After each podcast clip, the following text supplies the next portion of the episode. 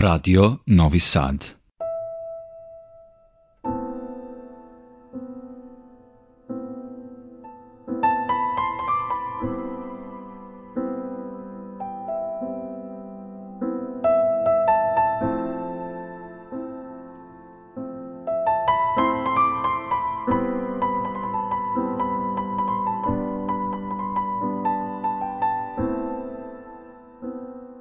Dobroveče, poštovani slušalci. Vi pratite program Radio Novog Sada i još jedno izdanje emisije Vox Humana. Moje ime je Boško Bute. Kao što ste vi navikli, mi smo našu emisiju ustalili ili pokušali da je koncipiramo tako da stvari, ljude, fenomene i običaje prikazujemo do neke izmeštenoj vizuri, malo drugačije, sa pogledom iznutra, često pribegavamo dekonstrukcije stereotipa, da bi stvari i tematiku o kojoj govorimo bolje i pitke razumeli.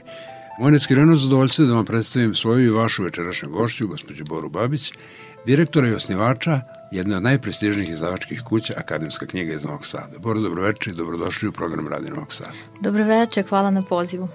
Jako mi je drago što ste tu, jer mi smo svoje vremeno jedan sudbinski i slučajno ničim izazvan, ovako spontani ciklus napravili, koji smo krstili uspešne žene u našoj sredini.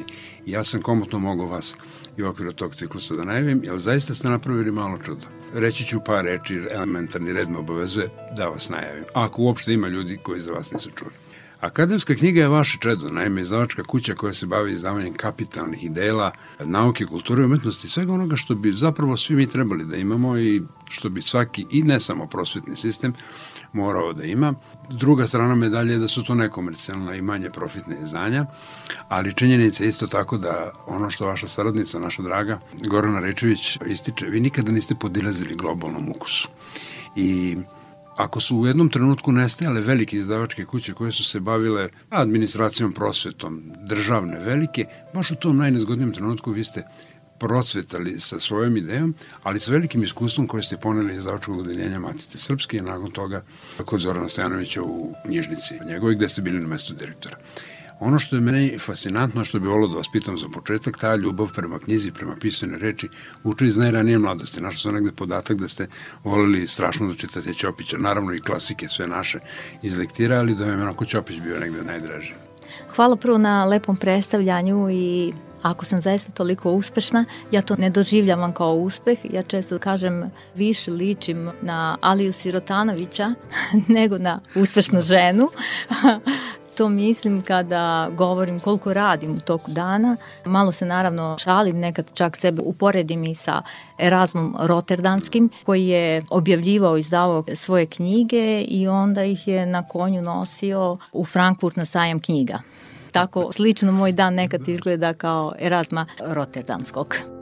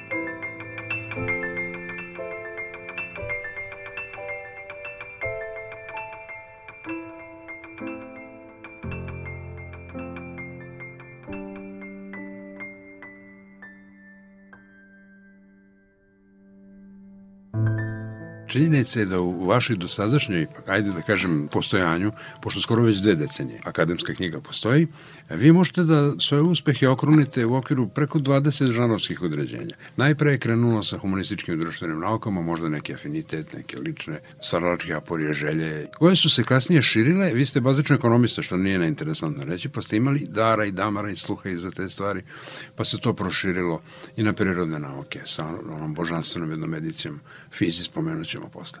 Pa je to krenulo i na beletristiku, pa i na domaće autore. Ja volim tu dozu lokal patriotizma. Ko će te ljude objavljivati ako mi nećemo? Pa ste otišli i u poeziju. Pa smo tako dobili i Bloka i, Pastrnaka i Majakovskog i mnogi druge.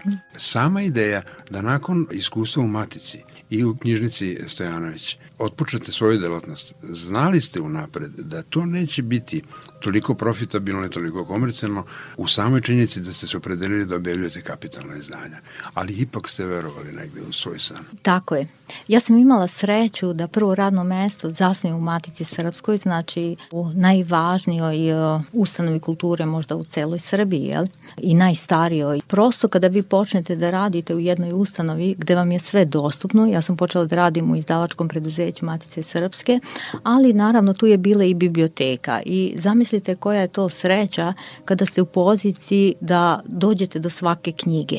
Znači, moja prva sreća je bila što nisam morala sedeti u biblioteci Matice Srpske i čitati knjige, već znate kako to ide, ako ste već zaposleni imate pravo i da iznesete knjigu Tako. i da iznesete na određeni vremenski Tako. period prosto je to moja prva sreća bila koju sam osetila kada sam počela da radim u izdavačkoj kući Matice Srpske. Međutim, državne firme koje su to vreme postojale nekako su već bile na izdisaju.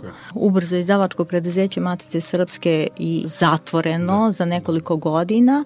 U to vreme kada sam ja počela da radim u Matici Srpskoj, Zoran Stojanović je uveliko radio, ima svoju izdavačku kuću, izdavačku knjižarnicu i ja sam bila oduševljena programom izdavačke knjižarnice. Yes. On je jedan od prvih nezavisnih izdavača uopšte u Srbiji. Mislim da je izdavačka knjižarnica već osnovana negde 98. Mm -hmm. I kada sam ja prešla u izdavačku knjižarnicu bile su oformljene mnoge biblioteke. Zona Stojanović je već objavio mnoga kapitalna dela što se tiče filozofije, Tako. sociologije, psihologije, teorije književnosti, da. antropologije i iskreno meni je to uzor bio Zoran Stojanović kada sam osnivala izdavačku kuću i posle izvesnog vremena rada u izdavačkoj knjižarnici Zorana Stojanovića jednostavno sam poželela da se osamostalnih nekako sam verovala verovala u sebe, u svoju ideju i prosto želela sam, baš ono što ste rekli, da popunim jednu prazninu koja je nastala kada su se ugasili veliki izdavači poput Nolta, poput Rada, poput Prosvete. S jedne strane, a sa druge strane imala sam želju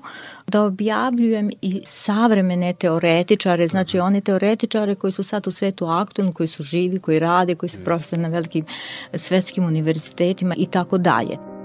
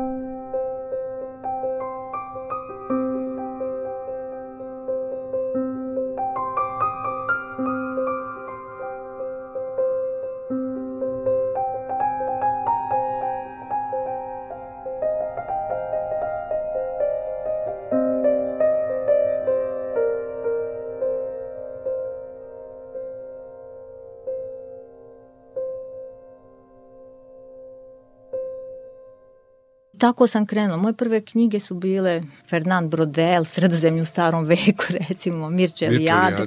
Tako sam krenula. I kada sam osnivala akademsku knjigu, ja sam jednostavno i naziv izdavačke kuće htela da vezujem za program. Tako, tako. E, nisam uopšte razmišljala dugo kako će se moja da. izdavačka kuća zvati, jednostavno sam rekla pa akademska knjiga. Kada kažem akademska knjiga, svi će znati šta Sigurno. radim i kako radim.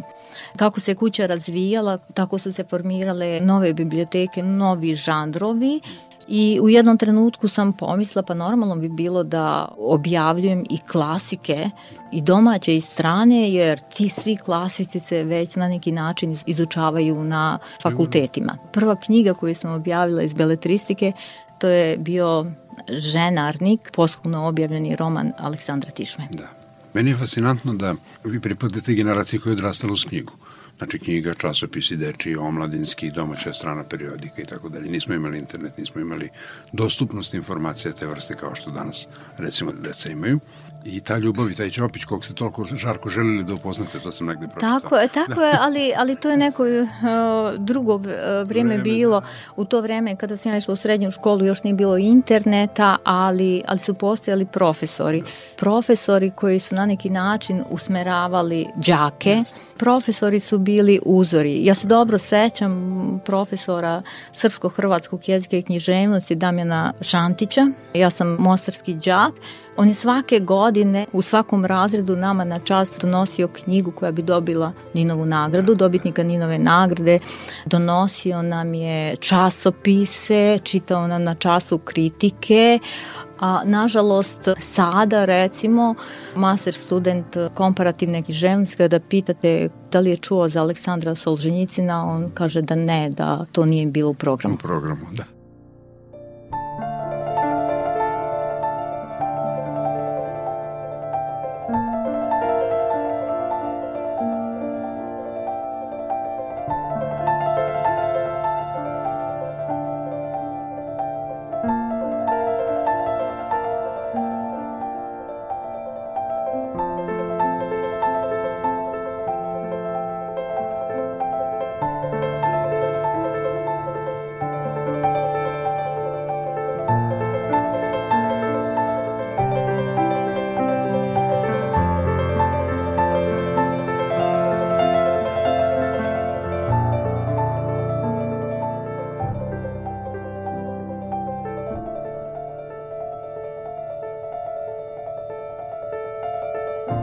Interesantna je činjenica da ste zapravo, to je donakle kao i obrnut put.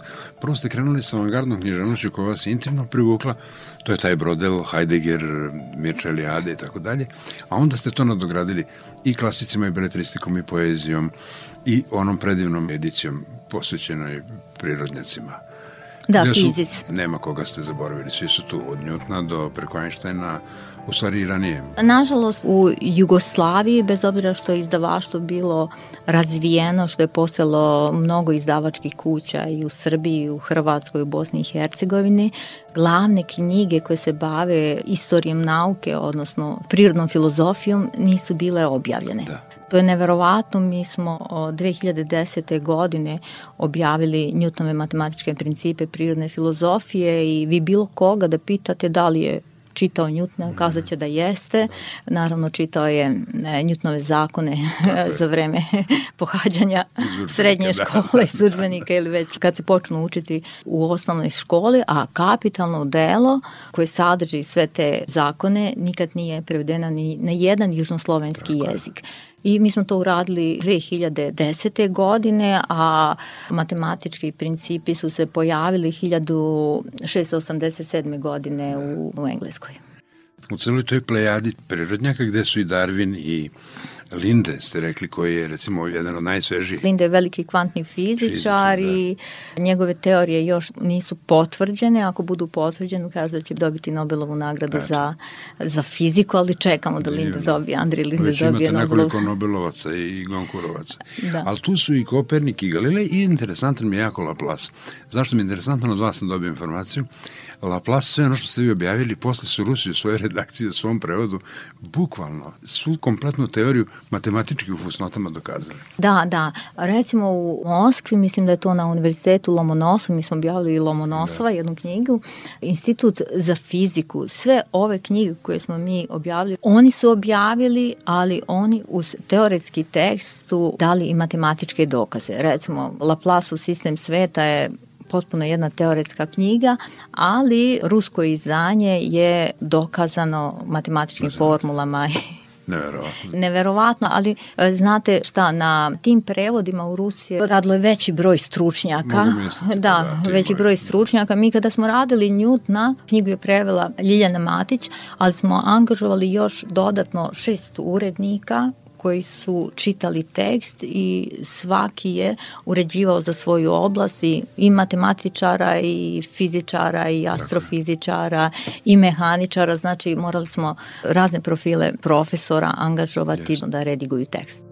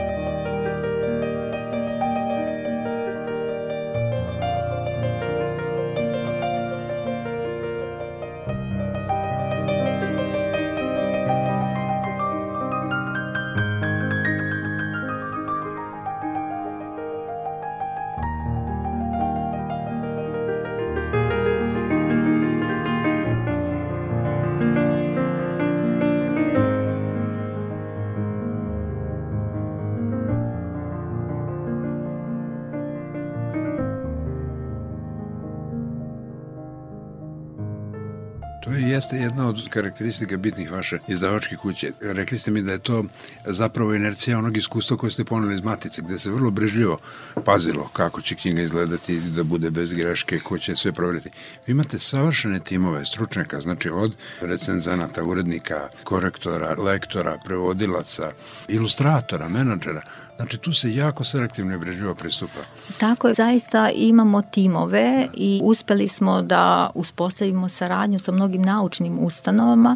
Edicija Fizis o kojoj sada razgovaramo, zajedno objavljujemo sa Prirodno-matematičkim fakultetom da. i oni su nama su izdavači, najveći deo rada na knjizi radimo mi, mi angažujemo ljude koji će raditi Tako. na knjizi, ali oni su tu da nam preporuče svoje najbolje stručnjake, svoje najbolje profesore za određenu oblast. Onda imamo lepu saradnju recimo sa Institutom za filozofiju i društvenu teoriju iz Beograda. Čak smo pokrenuli zajednički jednu lepu ediciju koja se zove Minima, u kojoj objavljujemo eseje, recimo veliki filozofa, a onda komentare za taj esej daju naši filozofi. Tako je, tako. Kritika. Da. Praktično svaka ta knjiža, to su lepa izdanja, onako džepna izdanja, imate kritiku i imate sam originalni tekst i tu smo desetine, desetine knjiga objavili. Tako da sarađujemo sa Akademijom nauka, naravno sa Maticom Srpskom, i Ali jednostavno crpimo potencijal koji ima naša zemlja što e, se da. tiče nauke i kulture i ja sam zahvalna svim saradnicima jer ovo su nekomercijalna izdanja neprofitna Tako. izdanja i oni su često spremni da rade bez nadoknade, Tako. da rade uz neke minimalne honorare samo da bi se dela pojavila i da bi njihovi prevodi bili dobri na srpskom jeziku. To je mukotrpan posao. Evo sad trenutno radimo Ptolomeja. Na knjizi se već radi tri godine. Inače, urednik te edicije je profesor Mirko Aćimović i to je čak njegova ideja da mi krenemo u taj posao. On je predavao filozofiju prirode na Filozofskom fakultetu u Novom Sadu i on je oko sebe okupio svoje saradnike i tako smo krenuli.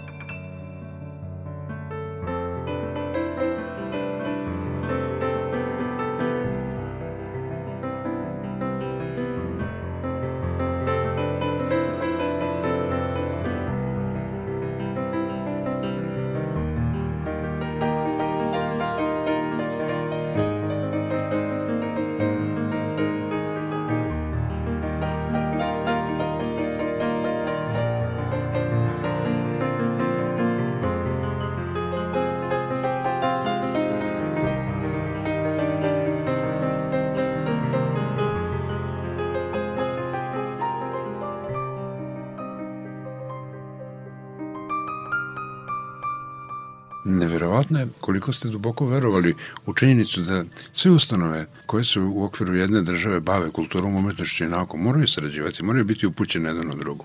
Mora postojati interakcija. Toliko ste iz te ljubavi prema knjizi e, ostvarili saradnju i sa inostranstvom. Vi ste dobri sa izdavaštvom jednog Yale-a, Princetona, Oxforda, Cambridgea i ostalih evropskih nekih kojih ni ne znam da se setim. Prvo, mi smo mala država, mala kultura jezički, i zaista moramo sarađivati da bismo iznedrili ono najbolje. Ja verujem da to znaju i naši saradnici i zato rado pristaju da rade sa nama, odnosno da budu u našem timu. Tako. Uspostavili smo saradnju sa velikim univerzitetima i sa velikim izdavačima, pre svega zahvaljujući tim autorima koje objavljujemo, jer malo se ko javlja da objavi tako velika imena koja su nekomercijalna i koji će uložiti ogromni trud. Vi jednu knjigu možete prevesti za mesec, dva dana, a na ovim knjigama morate da radite po dve, tri godine. I u tome je velika razlika. Vi nikad ne možete napraviti cenu tog izdanja koliko uložite rada u tu knjigu.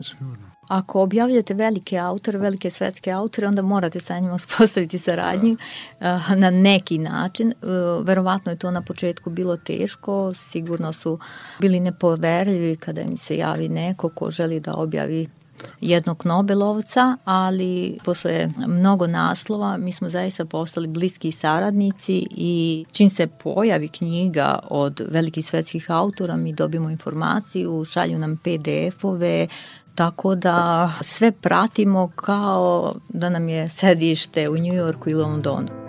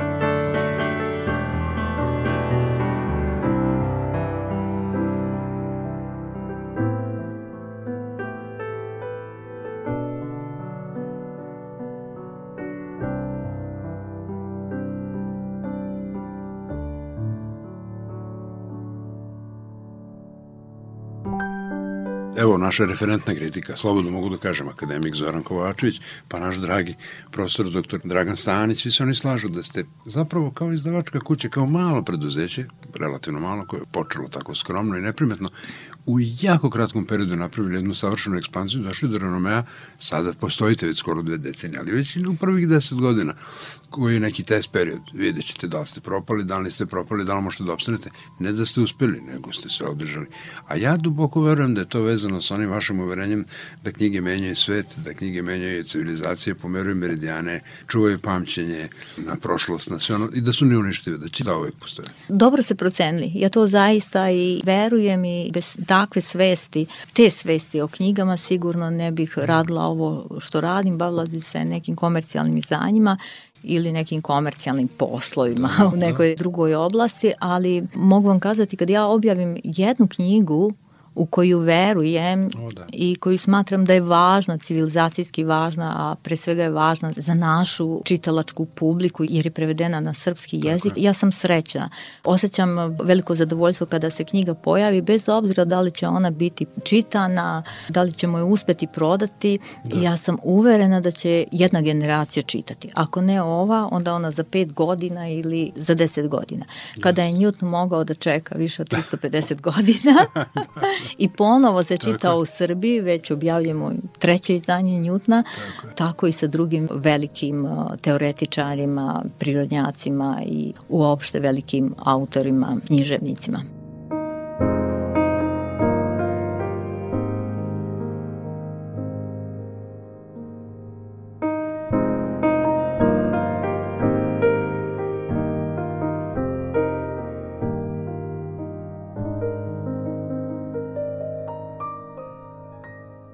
Večerašnjem izdanju emisije Vox Humana sa gospođom Borom Babić, osnivačem i vlasnikom izdavačke kuće Akademska knjiga, razgovaramo o njenim aktivnostima, početcima i pre svega hrabrosti da se otisne u vode samostalnog i nekomercijalnog izdavaštva kapitalnih dela iz oblasti nauke, umetnosti, kulture.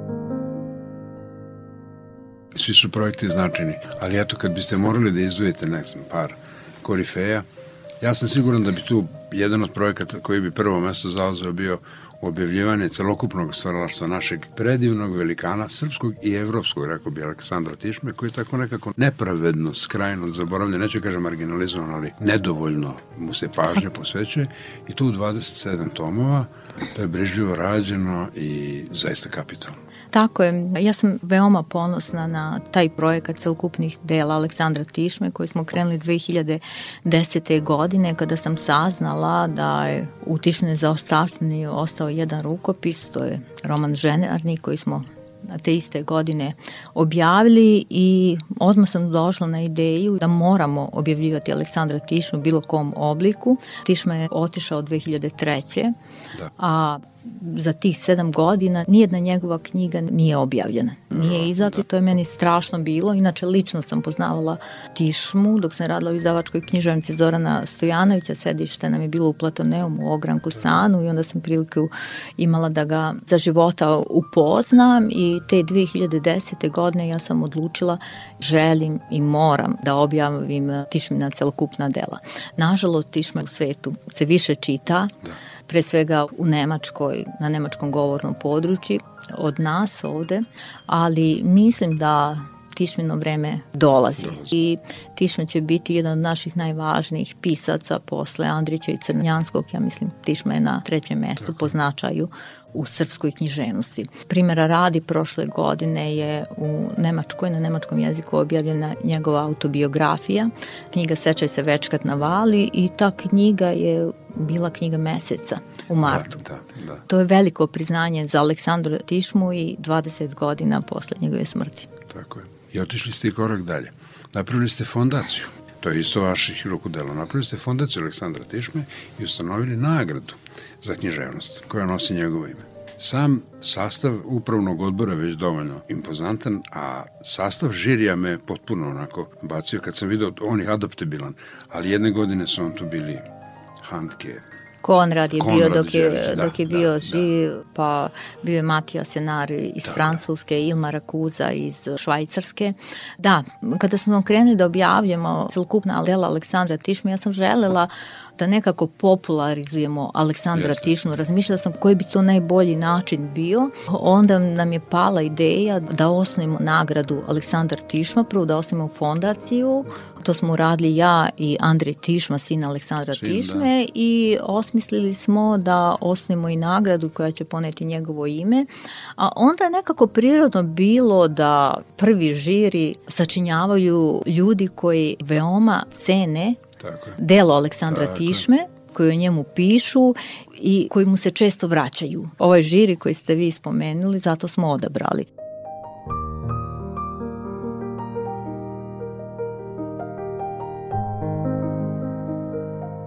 Vox Humana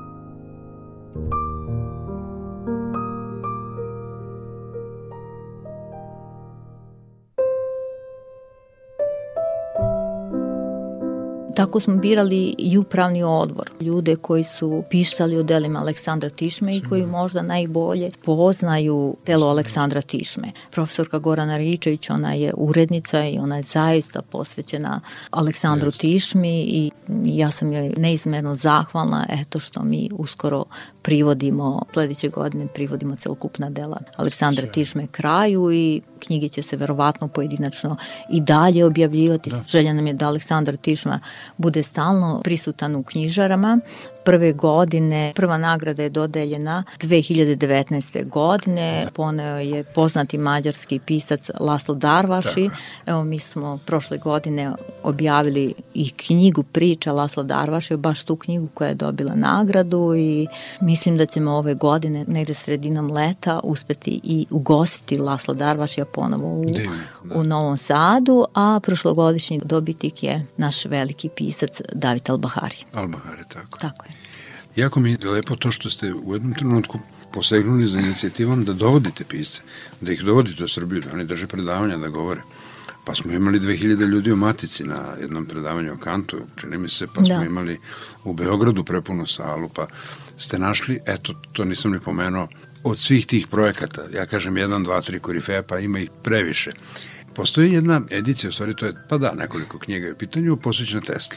Između ostalog, kuriozitet je Teslina intimna prepiska sa rodbinom, koju ste objavili. Tu je naravno i njegova stvaralačka biografija i našli ste zapravo živog potomka s majčine strane jednog rođaka kog ste doveli u Srbiju. I sam susret je bio vrlo dirljiv, on insistirao da ode u maticu. Da, da. Sa njim smo iznimili dokumentarni film sa gospodinom Terbom. Terbo. Da, da. Inače, njegovo prezime je nekad bilo u Americi Trbojević. Mm -hmm. Njegov otac se zvao Nikola Trbojević i bio je sin sestre Nikole Tesle. U jednom trenutku su živeli u Americi. Nikola Trbojević je došao možda sa 20 i nešto godina u Ameriku zaposlio se u General Motors, bio je konstruktor, konstruktor, konstruktor zupčanika, bio je jako uspešan. Pomagao Tesli. I pomagao je jedno vreme Tesli, međutim, znamo iz Tesline biografije da su apetiti Teslini za novcem bili veliki kako bi mogao da izvodi eksperimente da. i u jednom trenutku mu Nikola Trbović nije dao novac da. posle jednog pisma, tako su se i rastali, da.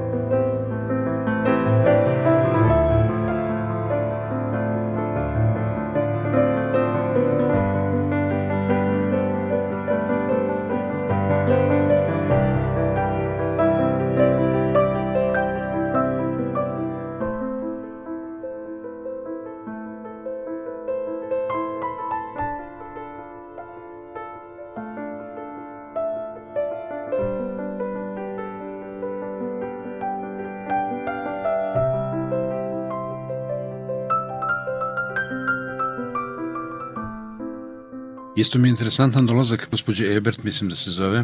Rumijana Ebert, da. Da, da, da, da, ne, da, nemačka da. pesnikinja, pa mi negujemo jedan odnos sa piscima. Ja mislim da je to jako važno za našu zemlju, za naš grad, da veliki strani pisci dolaze i jedino tako razbijate stereotipe koji postoje na zapadu. Da, da. Mi smo zaista desetine pisaca koje smo objavili doveli. Oni su održali promocije knjiga, zatim smo pozvali mnoge naučnike, filozofe, teoretičare. Čak smo imali običaj da kada neko dođe održimo dva predavanja, jedno u Beogradu, drugo u Novom Sadu, ipak je Beograd glavni grad. Svi žele da se sretnu sa Beogradom i sa beogradskom publikom, ali naše pravilo da svaki naš autor mora prvo doći u Novi Sad i susret se sa novosadskom publikom. Recimo, Otfrid Hefe je držao predavanje u Akademiji nauka na filozofskom da. fakultetu, on je inače filozof, profesor je iz Tibingena. Jean-Luc Marion, isto veliki francuski filozof, održao je jedno predavanje na Kolarcu, drugo predavanje na Filozofskom fakultetu u Novom Sadu.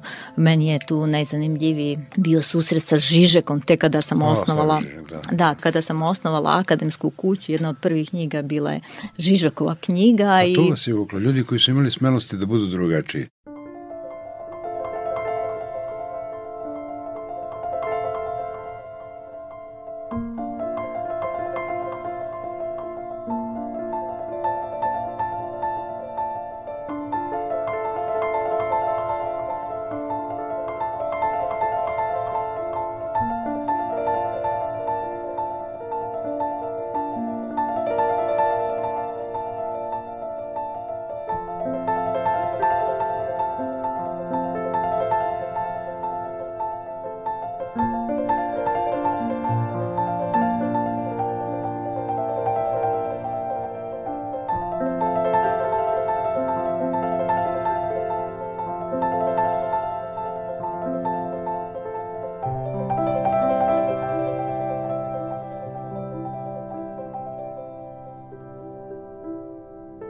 Knjige koje objavljujemo, one moraju biti kritične prema svetu u kome živimo. I provokativne. I provokativne i, i nešto kritično, ono ima moć da menja. Tako je pa neka to budu neki mikronski pomaci, ipak su promene. Zato smo zaista objavili autorove veoma različitog spektra. Da od onog Ptolomeja koga sam o, spomenula, da. koji će uskoro izaći, da. za mesec dana izlazi iz štampe, do Nika Bostruma, recimo jednog profesora sa Oxforda koji je napisao knjigu o superinteligenciji. Da, kao fiction, da. Da, da, da, da, da, da, da. Posebno mi je draga ova biblioteka posvećena našim autorima, našem Laslo Vegelu, Tiboru Varadiju, Radmili Gikić, Ramaču, Franji Petrinoviću to je ono, ko će ih izdavati ako mi nećemo, to je ta neka naša priča, ali definitivno ste im dostojno poštovanje.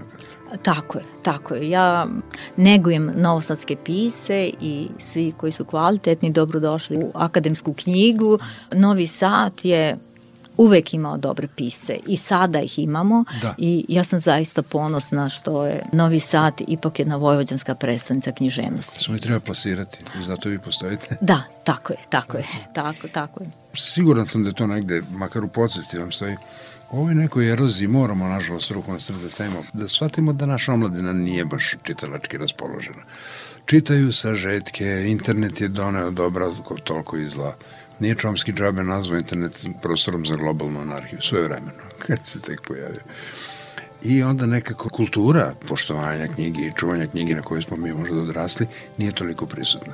Međutim, činjenicom da vi kvantitetom podižete definitivno mogućnost izbora, samim tim se širi krug potencijalnih čitalaca. Mislim da to neka dupla misla. Ta, tako je, jer stalno pristiže nova čitalačka publika. Yes. Mi osjećamo da je čitalačke publike sve manje, jedan broj ljudi, nažalost, naših čitalaca umire, jedan broj odlazi, i zato osetimo da se manje čita, ali sa druge strane ipak postoji jedna kritična masa koja čita i to je jako važno. Mene oduševio sajam knjiga prošlogodišnji da. u Beogradu. Nekako sam osetila da su se ljudi ponovo vratili o, da. knjizi. Da se ponovo vratili knjizi, verovatno dolazi pomalo do zasićenja, da. čitanja sa ekrana i stalnog kontakta sa ekranom i ljudi žele da osete papir, da drže knjigu. Da ima dušu, da. Da, stalno se postavlja pitanje da li će opstati knjiga, da li će izlaziti u papirnom obliku da. ili će se samo čitati i book. Ne, ja mislim da će postati i elektronska knjiga, ali da će uvek prioritet biti svakome ko čita, znači klasična knjiga.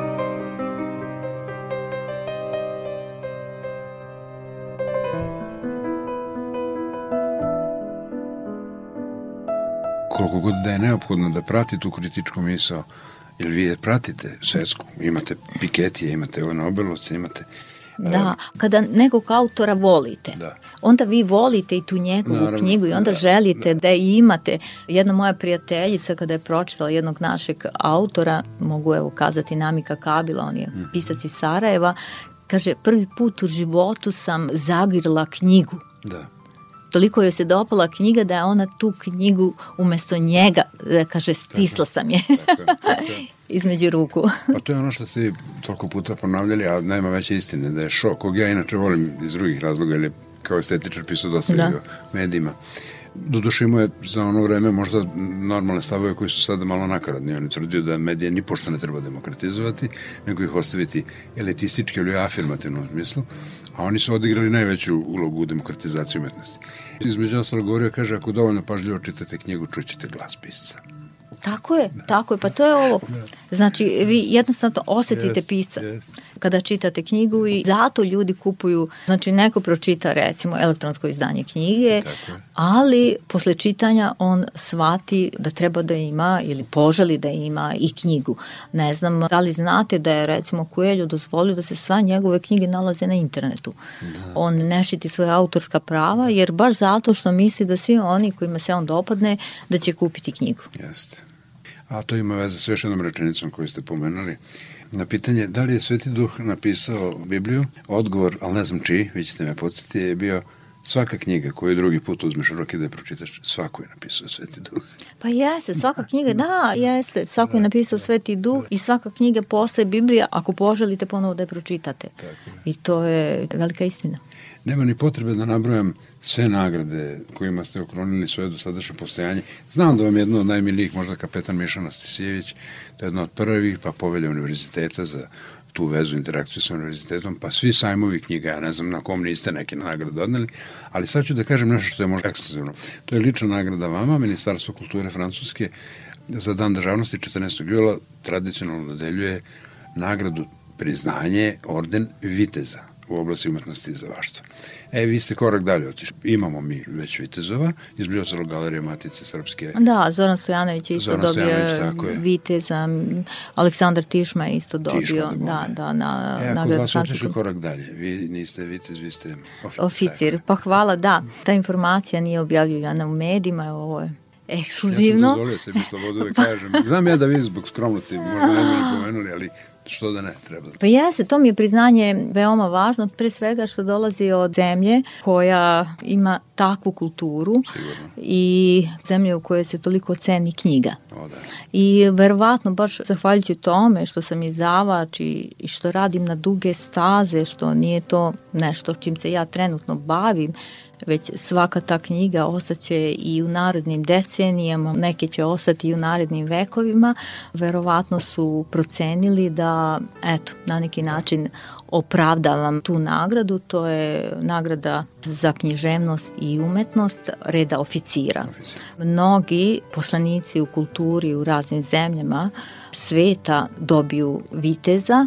Kod nas Paskaljević dobio, mislim da je Bata Paskaljević. Da, da, da, da. Bata Paskaljević je dobio isto za književnost i umetnost rang oficira i ja sam zaista bila jako ponosna To vrlo laskavo. zaista, kada sam da. dobila vest da sam ja baš izabrana za tako visoko priznanje.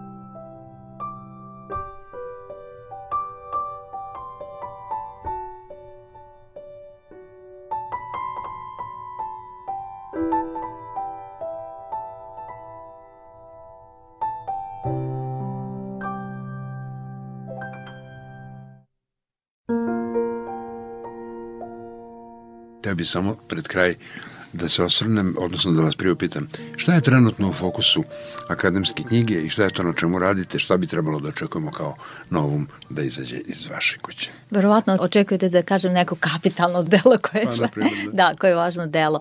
Evo, baš ovih dana je bila vest. Mi sad trenutno pripremamo Kembridžko izdanje istorije Srbije.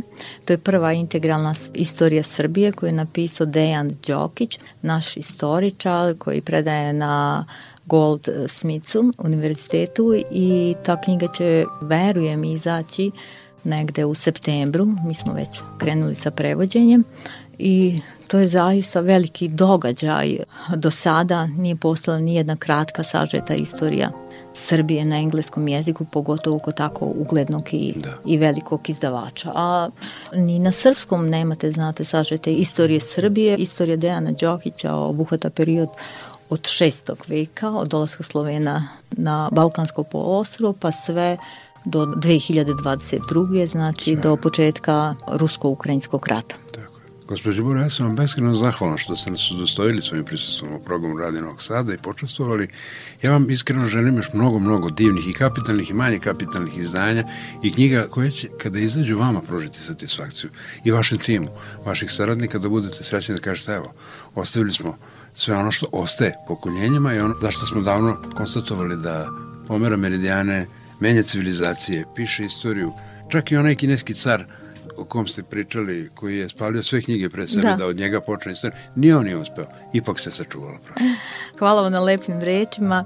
Bilo mi je veliko zadovoljstvo sa vama razgovarati, pogotovo sam iznenađena koliko imate podataka u akademskoj knjizi i hvala vam što pratite naša izdanja. Hvala vama. U dobrom društvu i sa inspirativnim sagovornikom nije teško biti bar dobro obavešten.